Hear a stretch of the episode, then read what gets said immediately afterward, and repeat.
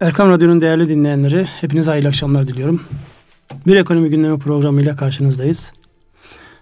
Yoğun bir haftanın gündemini program arkadaşım Mustafa Büyükadeş ile birlikte değerlendirmeye çalışacağız. Evet, gündemde ne var diyelim. Benim gündemim çok uzun. Liste bayağı kalabalık. İsterseniz ben bir şöyle başlıklara değineyim. Sonra dönüp e, ele alalım. Önce nasılsınız diye sorayım. Elhamdülillah. Sizler nasılsınız? Elhamdülillah ben de iyiyim. Şimdi geçen hafta e, hafta sonu daha doğrusu cuma cumartesi günü yedincisi yapılan Uludağ Ekonomi Zirvesi'ne ilk kez katılma şansı buldum. Benim için e, değişik bir deneyim oldu. E, iş adamlarının, siyasilerin, nispeten devleti bürokrasi diyebileceğimiz ekonomi bürokratlarının bulunduğu bir e, zirve oldu. Kendi adıma e, faydalandığımı söyleyebilirim. Buradaki e, enteresan başlıklar vardı. Özellikle e, sektörel ya da e, iş bazında geleceğin konuşulduğu e, yoğun bir e, kulis faaliyetlerinin yani e, oturum gündemleri kadar işte o aralardaki kulislerin de yoğun olduğu bir e, toplantı oldu. Ben kendi adıma dediğim gibi fazlasıyla faydalandım. Çünkü insanların orada bakış açısını görüyorsunuz. Yani insanların kişiliğine, karakterlerine, e, ekonomik durumlarına, şu anki içinde bulundukları psikolojiyi birebir yansıtıldığı bir ortam. Dolayısıyla herkes var, her şey vardı orada. E, ağırlıklı olarak e, tabii e, Kapital Dergisi'nin ve Ekonomist Dergisi'nin düzenlemiş olduğu bir e, organizasyon olduğu için onların kendilerince e, yakın buldukları ya da iletişim halinde bulundukları insanları da daha ağırlıklı olarak çalıştırdıkları bir topladıkları bir e, mekan oldu. En belirgin olan mesela Anadolu'dan bir başlık olarak biz onun olmasını isterdik. Çünkü biz Anadolu'yu temsil ediyoruz. Konya'dan işte e, yönetiminde bulunduğumuz işte holdingin ve diğer şirketlerin oradaki yaşadıklarını anlatabilecekleri birinci ağızdan doğrudan işte siyasilere, bürokratlara, bankacılara, diğer iş adamlarına anlatabilecekleri bir zemindi. O yoktu. E, kendileriyle konuştuk organizasyonu yapanlarla. Eğer Allah nasip eder de ömür verirse Rabbim gelecek sene o başlıkla bir e, gündem maddesi bizler de belki o toplantıya konuşmacı olarak iştirak etme şansını bulacağız. Nasip diyoruz. Benim orada gördüğüm şu vardı. Özellikle e, birçok başlığın içerisinde bu dijitalleşme ve değişen insan ihtiyaçlarının piyasa şartlarının firmalara olan yansımaları. Özellikle tasarım, iş modeli tasarımı, ürün tasarımı, onun insanlara ulaştırılması, oradaki çözüm ortaklarıyla yani her şeyi firmaların kendisini yapmayıp çözüm ortaklarıyla birlikte hareket etmesi, burada düzenleyici kurumların rolü, e, siyasetin rolü, uluslararası ilişkilerin rolü diye çok başlık vardı. Dolayısıyla şunu bir daha görüyorsunuz. Normal iş, iş yaşamında, günlük hayatta farkına varmadığınız şeyi böyle bir fotoğrafa daha büyük bir perspektiften bakınca çerçevesinin tamamına bakınca şu çok net bir şekilde görüldü. Gidilecek çok yol var. Yapılacak çok yol var. Öbür taraftan fırsatlar ve tehditlerin bir arada bulunduğu zaten e, herhalde birbirinin zıt kardeşi, ikiz kardeşi diyebileceğimiz yapı. Bilmiyorum e, başlıklara e, daha sonra belki değiniriz. Bu çerçevede bu tip zirvelerin siz katılmadınız onun için size rahatlıkla artık tarafım şu an. Baktığınızda faydası ya da katkısı ne olur sizce? Sizin düşünceniz medyadan izlediğinizde biliyorum. Ee, bu tabi daha önce sizde de sizden de işittim buradaki e, şeyleri. E, tabi e, ekonomiye yön veren aktörlerin, iş adamlarının, bankacıların, işte bürokrasinin, bir takım e, derneklerin bir araya e, basının bir araya gelip karşılıklı bir iletişimde bulunması birçok şeyin resmin bütününün görülmesi açısından çok faydalı. Ee, tabii her özellikle iş adamları gerçek aktörler diyelim piyasayı yönlendiren karar vericiler olarak onların yaşadığı sorunların gerçekten e, örtüşenleri bir takım fırsatlar varsa onlar kim ne yapıyor nereye doğru gidiyor insanlar nasıl düşünüyor bunlar e, çok belirleyici zaten e, yaratılış itibariyle de e, birileri bir şey yaparken önce onları taklit ederek başlar her şey. E, tabii diğer iş adamlarının ufku, bakış açısı, çalışmaları birbirlerini etkilemesi açısından çok önemli. E, yani ben bu tür şeylerin iyi olduğunu, olumlu olduğunu daha e, sık belki daha geniş kapsamlı olarak da e, düşünülmesi e, gerektiğini e, bir araya nasıl gelirler?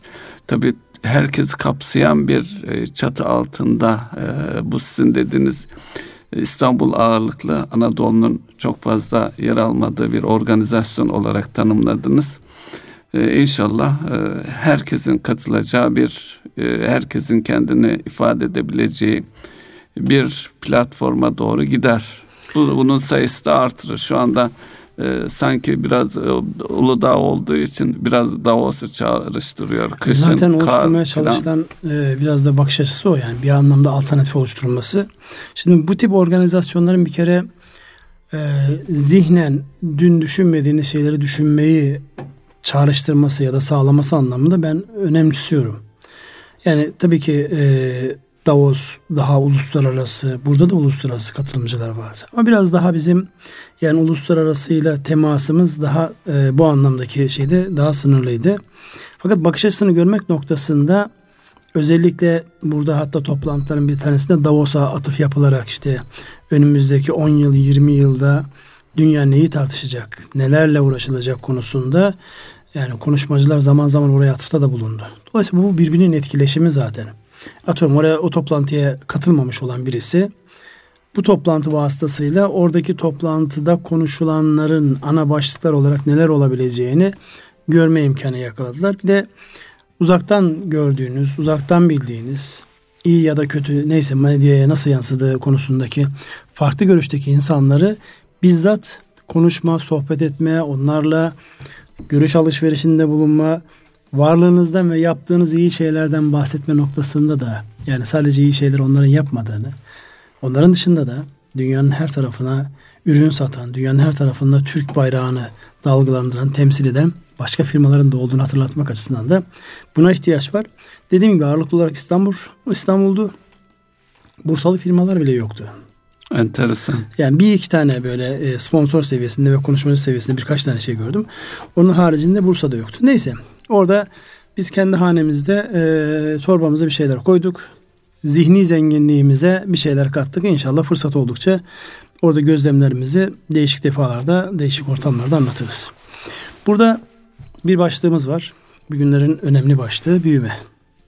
Biliyorsunuz yapısal reformdan bahsedilirken herkesin e, diline pelesenk olmuş yapısal reformdan bahsedilirken içeriğinden çok fazla bahsedilmiyor.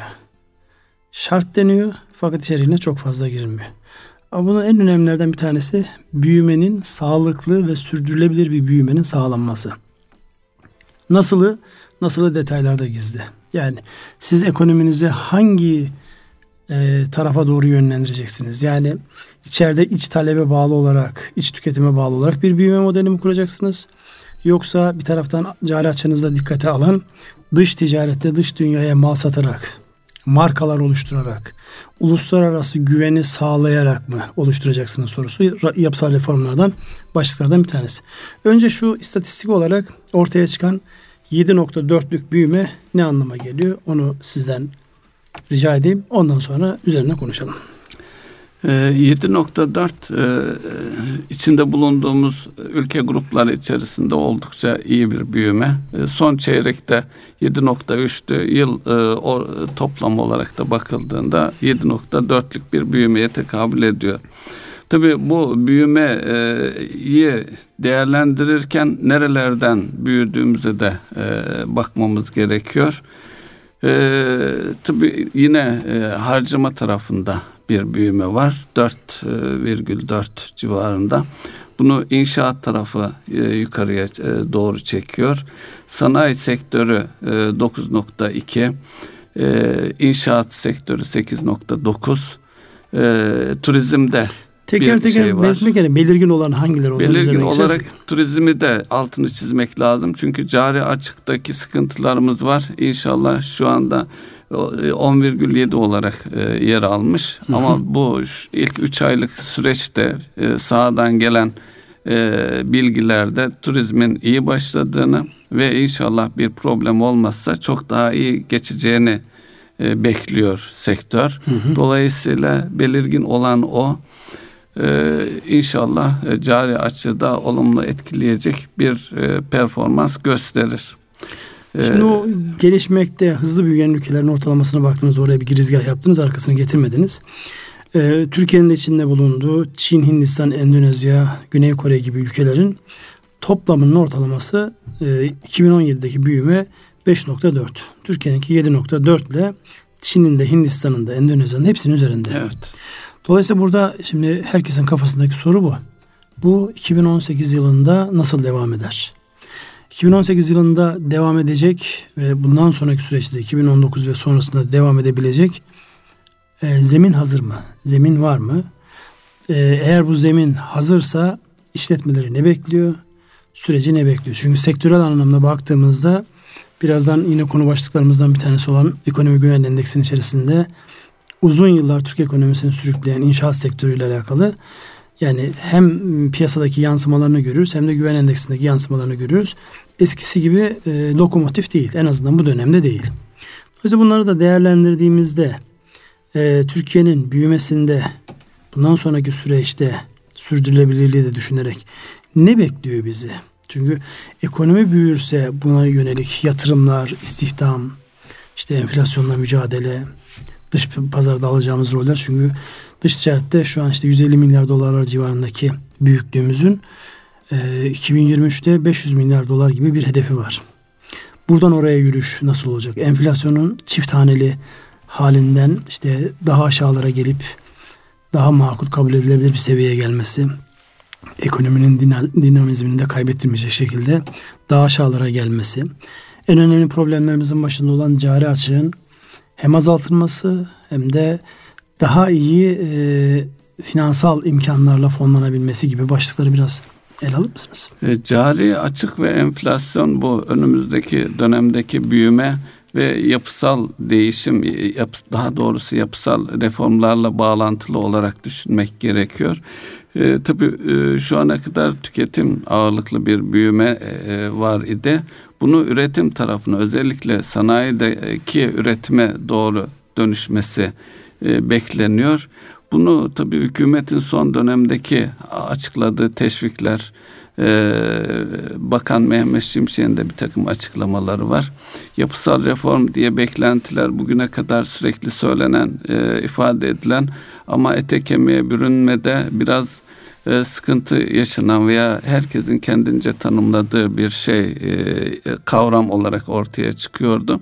Son dönemde şöyle bir açıklaması var. Tespit ettikleri özellikle cari açık bağlamında 2000 küsür tane üründen bahsediyor, bahsediyor ve bunlar içerisinde bin e, civarında bir ürüne odaklandıkları hatta Kimin açıklaması? Değil mi? Mehmet Şimşek'in açıklaması. Hatta bunun 80 40 e, sanıyorum 40 civarında bir ürün ve ilk aşamada 20 milyar dolarlık bir katkı sağlayacak bir teşvik paketi ve odaklanmaya gittikleri gideceklerini söylüyor.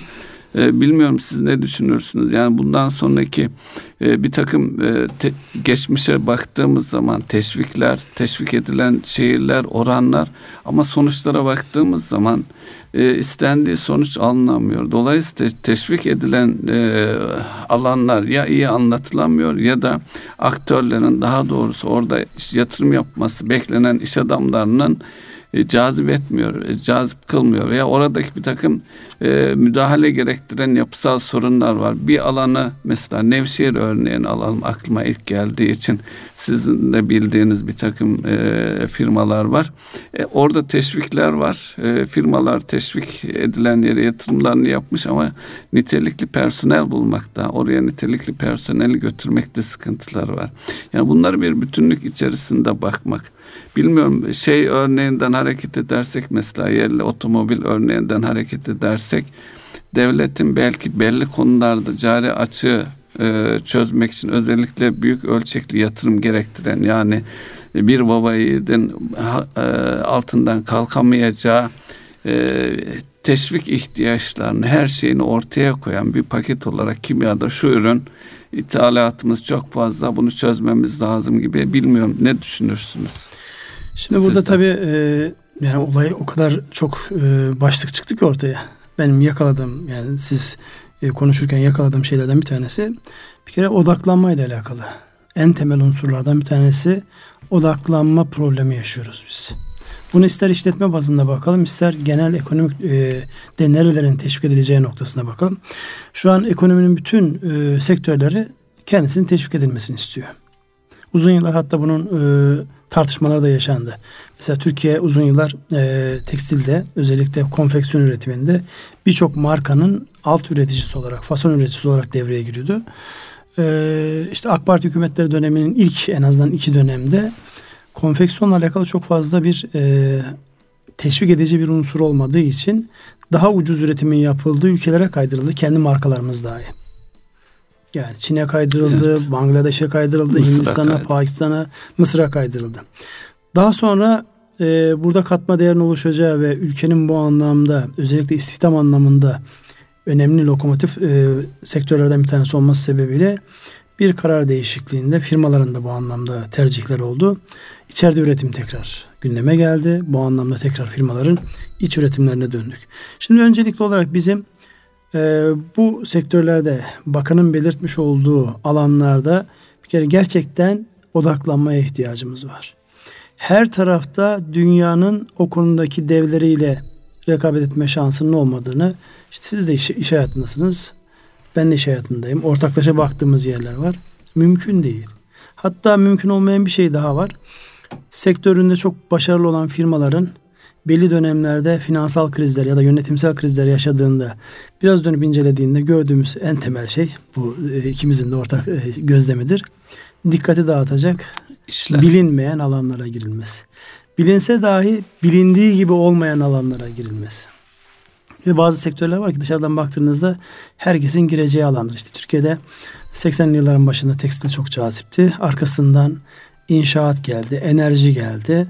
E şimdi baktığınızda e, buralardaki yeni oyuncuların girdiğinde hele sektör dışından oyuncuların girdiğinde ki Uludağ ekonomi zirvesindeki en büyük şikayetlerden bir tanesi özellikle inşaatçıların şikayetlerinden bir tanesi yani ani sektöre girişlerin ve çıkışların ortaya çıkarmış olduğu hasarlar. Bu sadece inşaatta değil.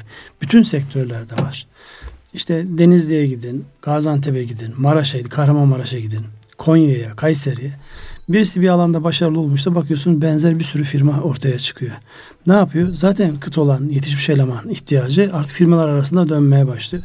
Dolayısıyla ne eskisine yar oluyor ne yenisine yar oluyor. Rekabetten dolayı fiyatlar aşağı geliyor.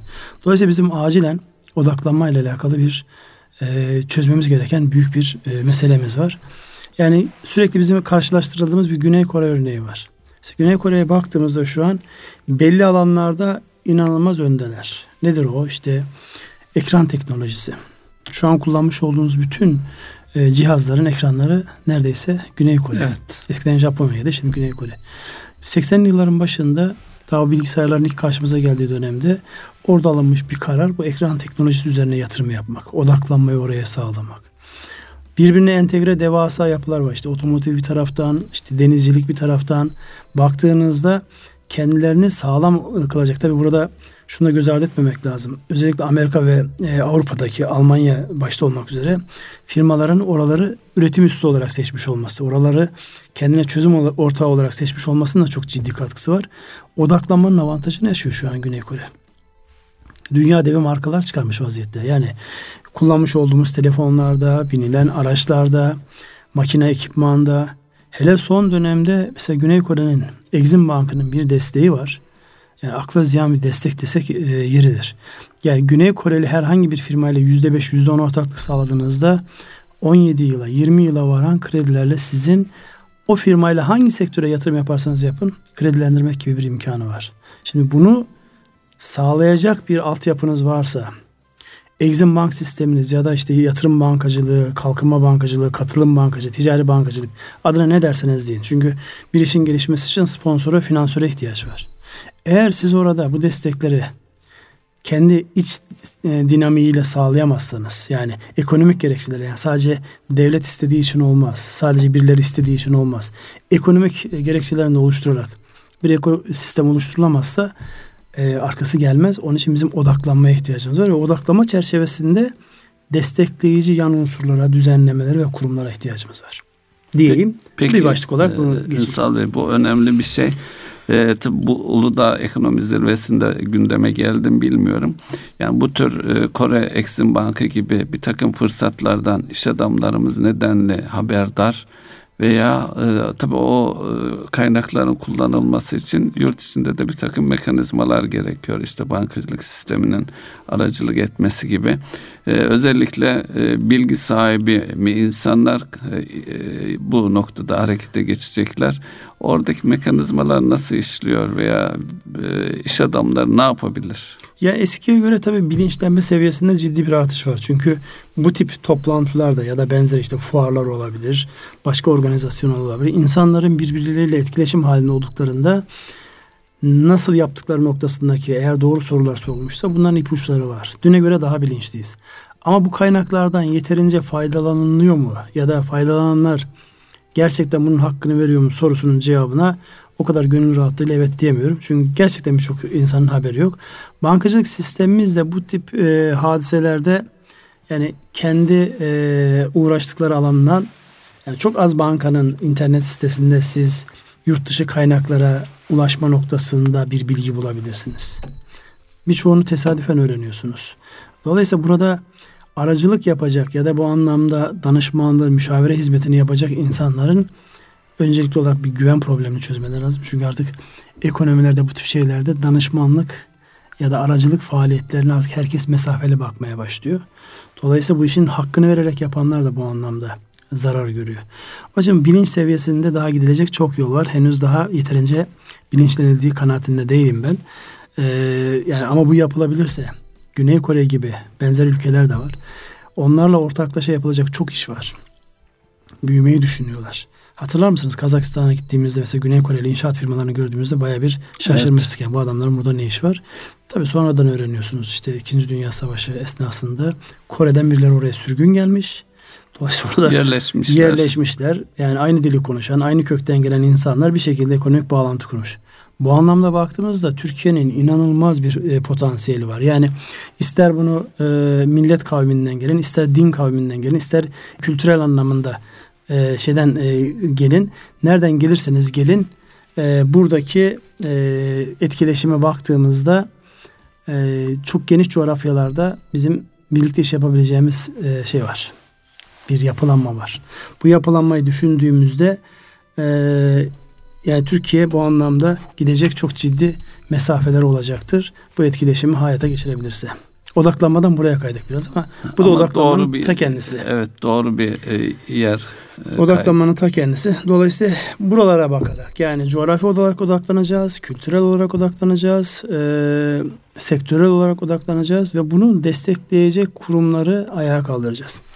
Büyümeyi geçtik mi? Geçmedik e, daha. Büyümeyi evet büyümeyi biraz daha konuşabiliriz. Ee, e, evet ne ilave edebiliriz? bakıyorum e, yani belki önümüzdeki 2018 için büyüme e, beklentisi ne olacak diye bakılabilir. E, büyüme e, 7.4 seviyelerine gelir mi? Şu an şu anda zaten 4'ün üzerinde bir büyümeyi herkes bekliyor. En e, karamsar olan insanlar bile 2018 için. E, sizin burada, bakış açınız? Burada hemen şeyler yayınlanmaya başladı. Yani Amerikan yatırım bankalarından bir tanesi Türkiye ile alakalı 2018 yılındaki büyüme rakamını hemen %4 diye açıkladı.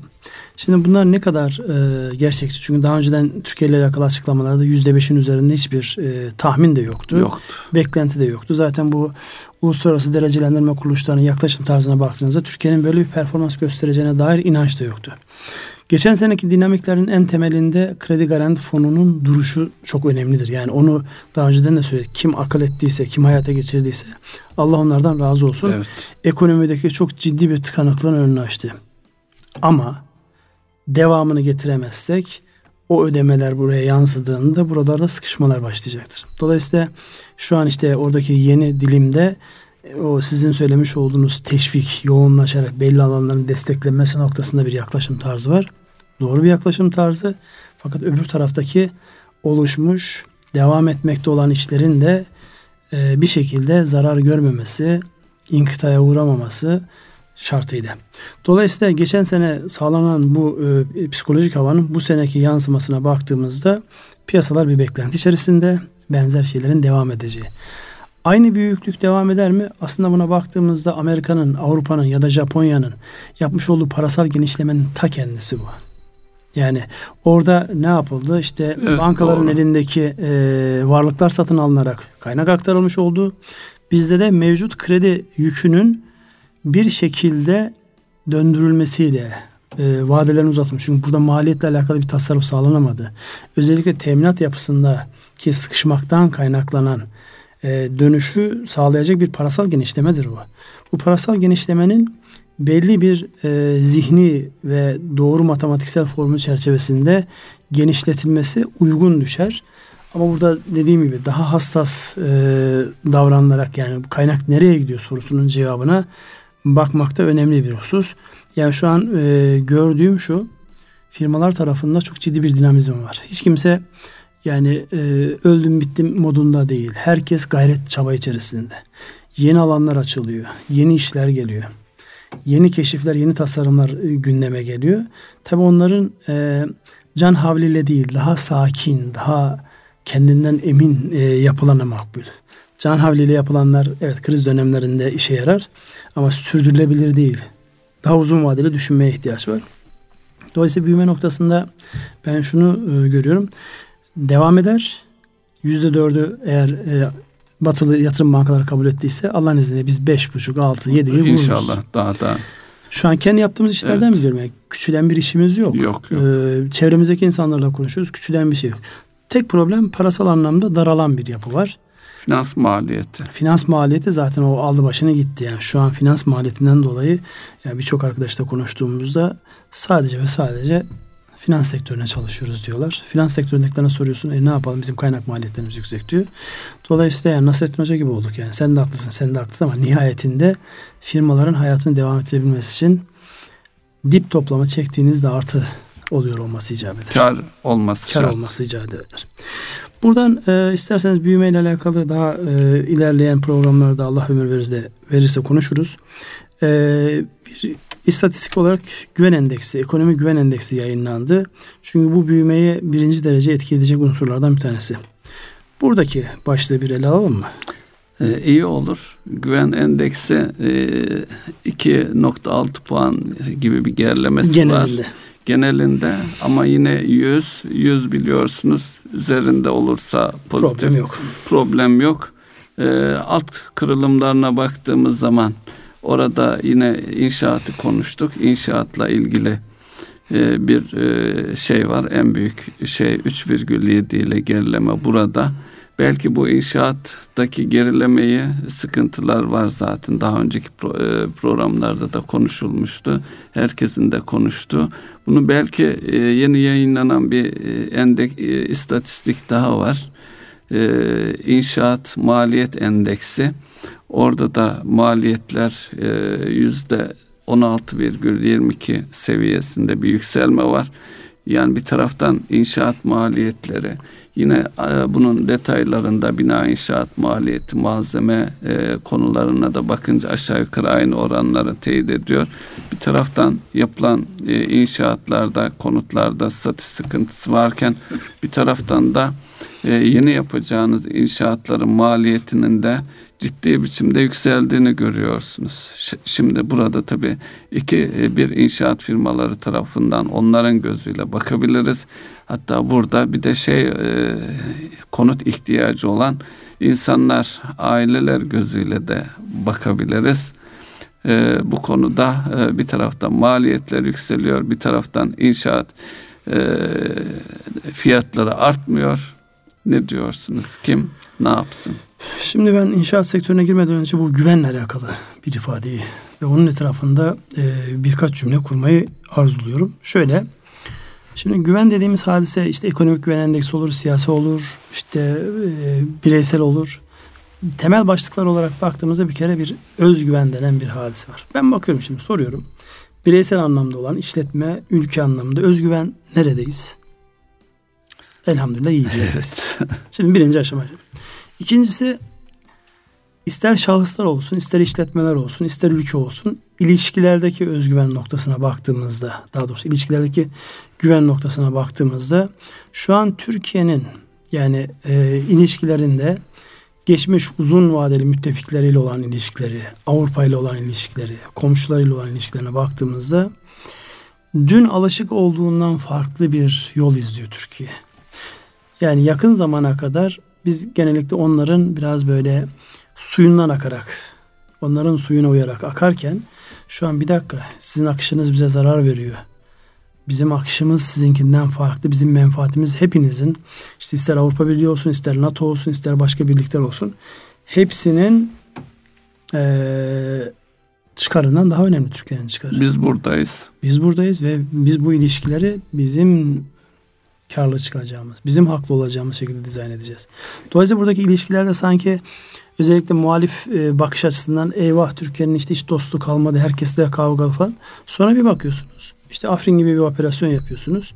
Orada hava gücünüzü sokuyorsunuz, kara gücünüzü sokuyorsunuz. Yapmış olduğunuz anlaşmalarda kimse size bu anlamda. Doğru anlatıldığında o İngilizlerin meşhur sözü var ya sürekli dostluk yoktur sadece İngiliz'in çıkarı vardır diye. Evet. Yani onların İngiliz e, mantığını Kendileri. biz benimsemeyelim evet. ama bu anlamda bir realite var. Ülke politikalarını belirlerken, ilişkileri belirlerken öncelikli olarak kendi menfaatinizin, kendi haklarınızın, kendi politikalarınız ve insanınızın geleceğinin öncelikli olduğunun bir kere bir kabullenmek lazım. Dolayısıyla buradaki şu an baktığımızda ilişkilerin yönetimi noktasında yani hem işte Afrin olayı bunun teyit etmiş, tescillemiş bir örneğidir. Biz ilişkilerimizi kendi menfaatimizi ortaya doğru koyduğumuzda, doğru anlattığımızda herkese anlatabiliyoruz. Arkasından ne geliyor? İşte başka noktalarda yani görüyorsunuz devasa ülkelerin yapmış olduğu açıklamaları görüyorsunuz. Tam bir komedi yani. Dışarıdan baktığımızda ya da filmlerini seyrettiğimizde her şeyi ince ince düşünmüş. 50 yıllık, 60 yıllık, 100 yıllık planlar yapan insanların akşamdan sabaha nasıl fikirlerinin değiştiğini. Önce yedirmeyiz diyorlar. Sonra tamam biz çıkıyoruz size veriyoruz. Yani bu enteresan bir bakış açısı var. Dolayısıyla ilişkiler noktasında biz kendimizin ne tarafa doğru gideceğimizden eminsek çevrenin ona adaptasyon noktasında hiç problem olmaz. Yeter ki biz kendimizden emin olalım. Kendimize güvenelim o anlamda. Evet. Üçüncü aşama kurumsal güven. Şimdi kurumlara bakıyoruz. Yani ister bunu bir işletme olarak bakın, ister ülkeyi e, olarak bakın. Şimdi burada bir marka yönetimi söz konusu. Birey olarak da markasınız, ülke olarak da markasınız, işletme olarak da markasınız. Bu marka nasıl alınıyor ve bu markaya kaç para ödeniyor?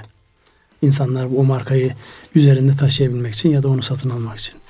Buradaki e, e, alana baktığımızda yapmamız gereken ciddi e, ataklar, atılımlar var.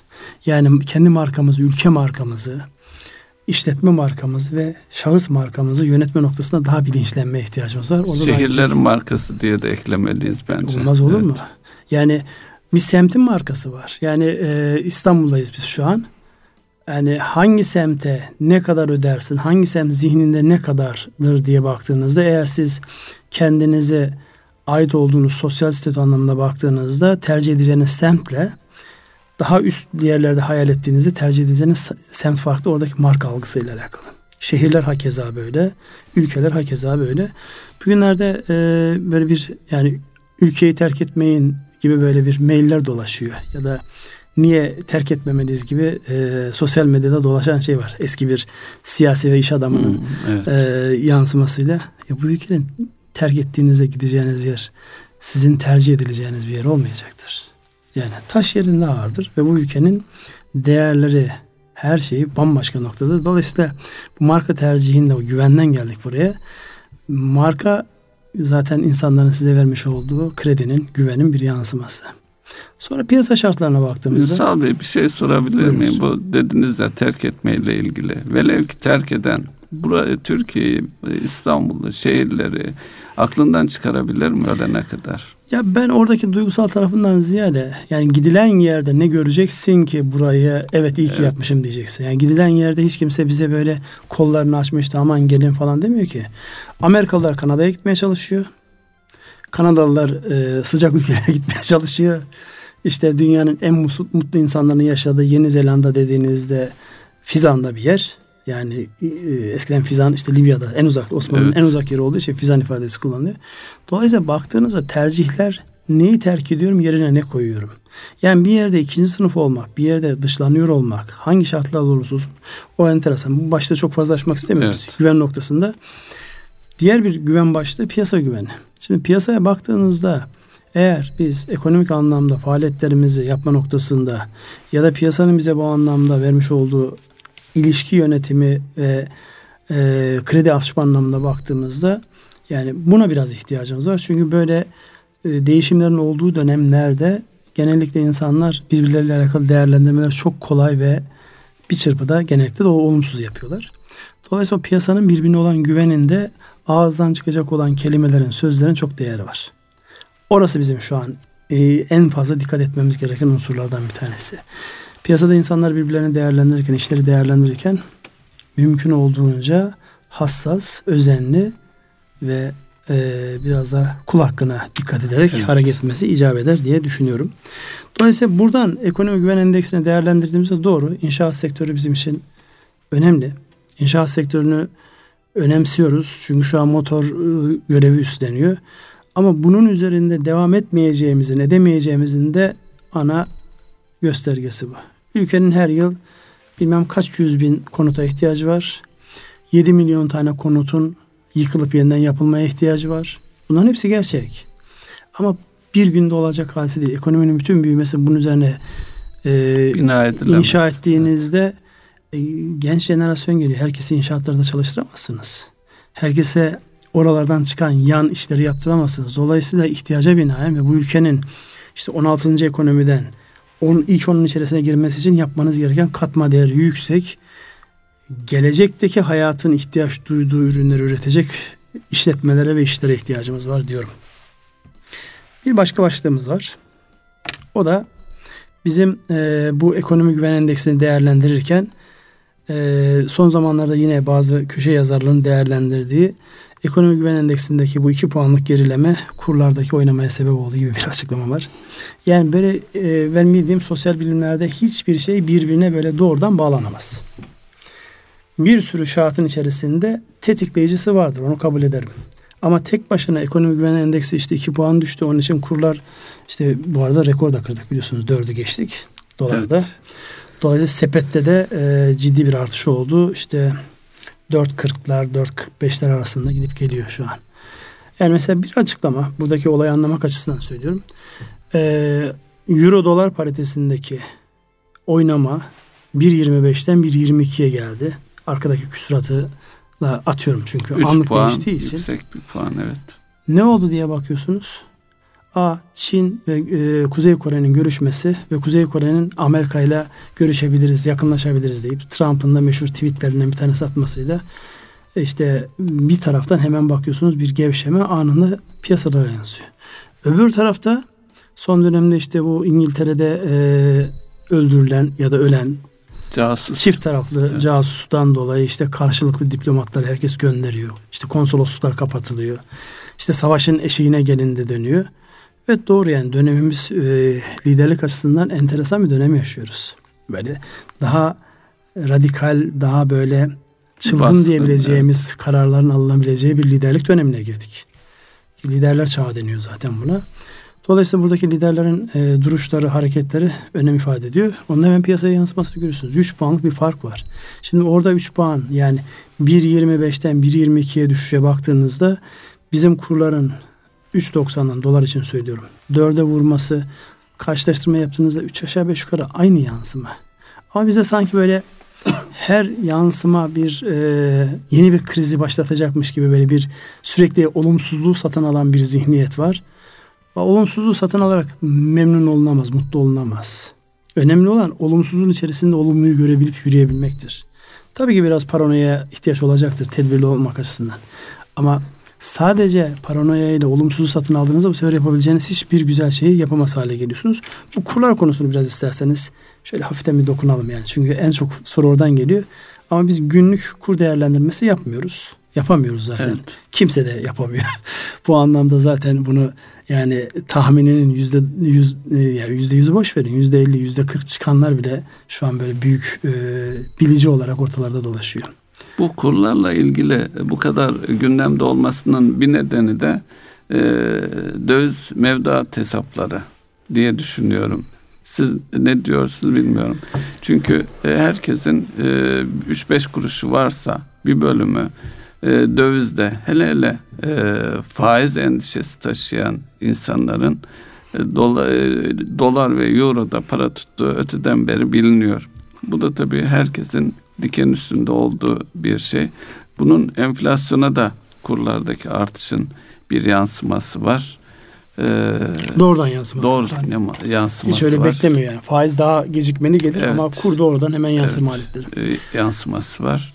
Yani toparlayacak olursak e, bu kurdaki dalgalanma e, yaşayacağız. Cari açıkla da bağlantılı düşünebiliriz. İsterseniz ondan bahsedecek misiniz Ünsal Bey? Dış ticaret e, istatistiği de açıklandı. Dış ticaret istatistiklerinden siz bahsederseniz de ben öncelikli olarak şundan e, bir girmek istiyorum konuya. E, psikoloji çok önemli burada. Şimdi bir kere yabancı paraya yatırım yapmış olmak, kendi paranıza güvenmiyor olmak, bu maalesef bizim yüksek enflasyonlu dönemlerden gelen bir hatıra. Eskiden kambiyo rejiminden dolayı kimse cebinde yabancı para taşıyamazdı. Yasaktı. Yasak. Hapis cezası bile verilebilirdi.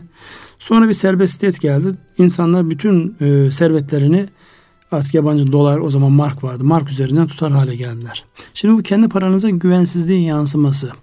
Peki kendi paranıza güvenecek altyapı var mı? Yani stabilite anlamında.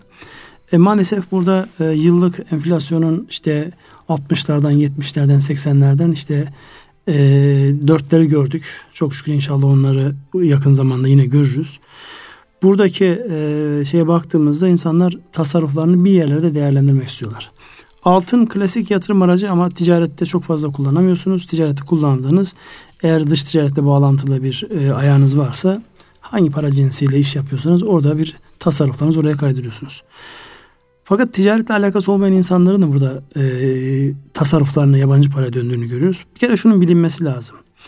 Tasarruflarınızı yabancı para olarak tutmanız ya da cebinizde yabancı bir ülkenin doları, euroyu, sterlini neyse taşıyorsanız bir kere burada bilinmesi gereken hadise şu var. Cebinizde yazan tutar kadar siz kendi değerinizi, kendi servetinizi bir başkasının kullanımına sıfır maliyetle tahsis etmişsiniz. Kredi açmışsınız. Ben çalıştım. Bir ay çalıştım. Bin lira aldım. Gittim o bin lirayla bugünkü kurlardan işte 200 küsür dolar aldım. Cebimde taşıyorum 200 küsür doları. Bunun anlamı şu. Ben bir ay boyunca çalışmış olduğum emeği karşılığında edindiğim değeri Amerika'da birisine borç verdim. Soru şu. Komşuya borç vermezken, kardeşe borç vermezken, ihtiyaçlı olan birisine borç vermezken, hatta borç istendiğinde de ya benim işlerimde kötü ekonomik durum yok derken, hiç tanımadığımız işte George'lara, Hans'lara, X'lere, Y'lere borç vermeyi nasıl değerlendirir? Bir kere oradan bir bakmak icap eder.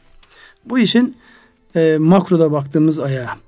Aslında benim az önce psikolojik olarak dediğim uzun zamandan beri dövize yatırımla alakalı çevremizden hiçbir soru gelmez idi. Gelmeye başladı. İşte bu sıkıntılı olan taraf bu. Evet. Ya daha önceden insanlar yani belli bir aralıkta e, 3.50'lerden 3.60'lardan alıp 3.80 3.90'dan satarken hiç bu konuyla alakası olmayan insanlar bu fiyattan döviz alınır mı demeye başladı. Burada yönetilmesi gereken iyi bir psikoloji var. Burada Merkez Bankası başkanımıza ve ekibine çok ciddi iş düşüyor.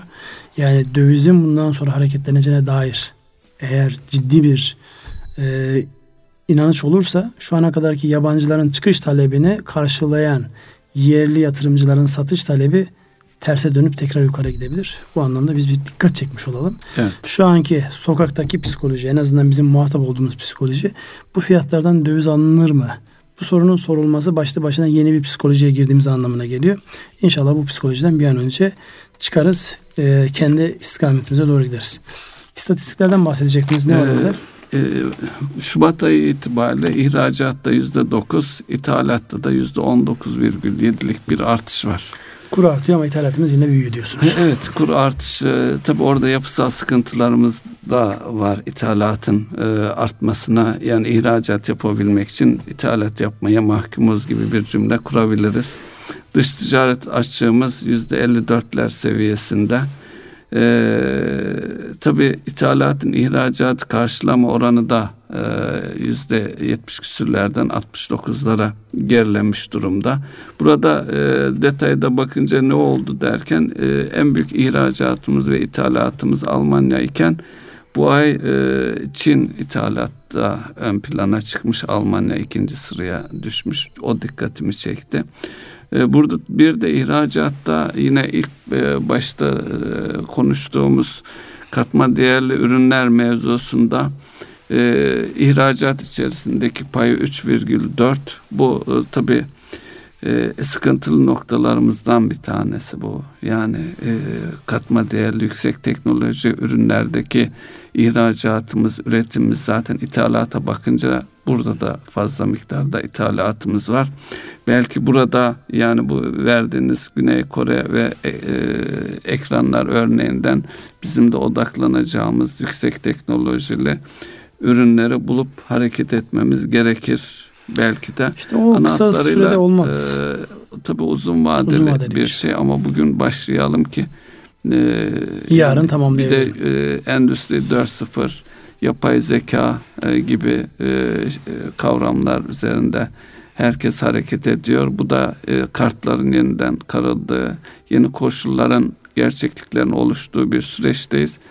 Özellikle e, yüksek teknoloji tarafında belki biraz şey olsa da yapay zeka tarafında ciddi bir fırsat olduğunu düşünüyorum. Evet. Ee, biz başlıklarımızı değerlendirirken yine programın sonuna geldik. Ee, konuşacak çok konu var. Biz bu kadarla yetinelim isterseniz. Daha sonraki haftalara konuşacağımız İnşallah. başlıklarımız olsun. Erkam Radyo'nun değerli dinleyenleri bir ekonomi gündemi programıyla e, karşınızdaydık. Sürçülisan eylediysek affola. E, inşallah bundan sonraki e, haftalarda aynı şekilde karşınıza çıkmak ümidiyle Allah'a emanet olun. Hayırlı akşamlar. Hayırlı akşamlar.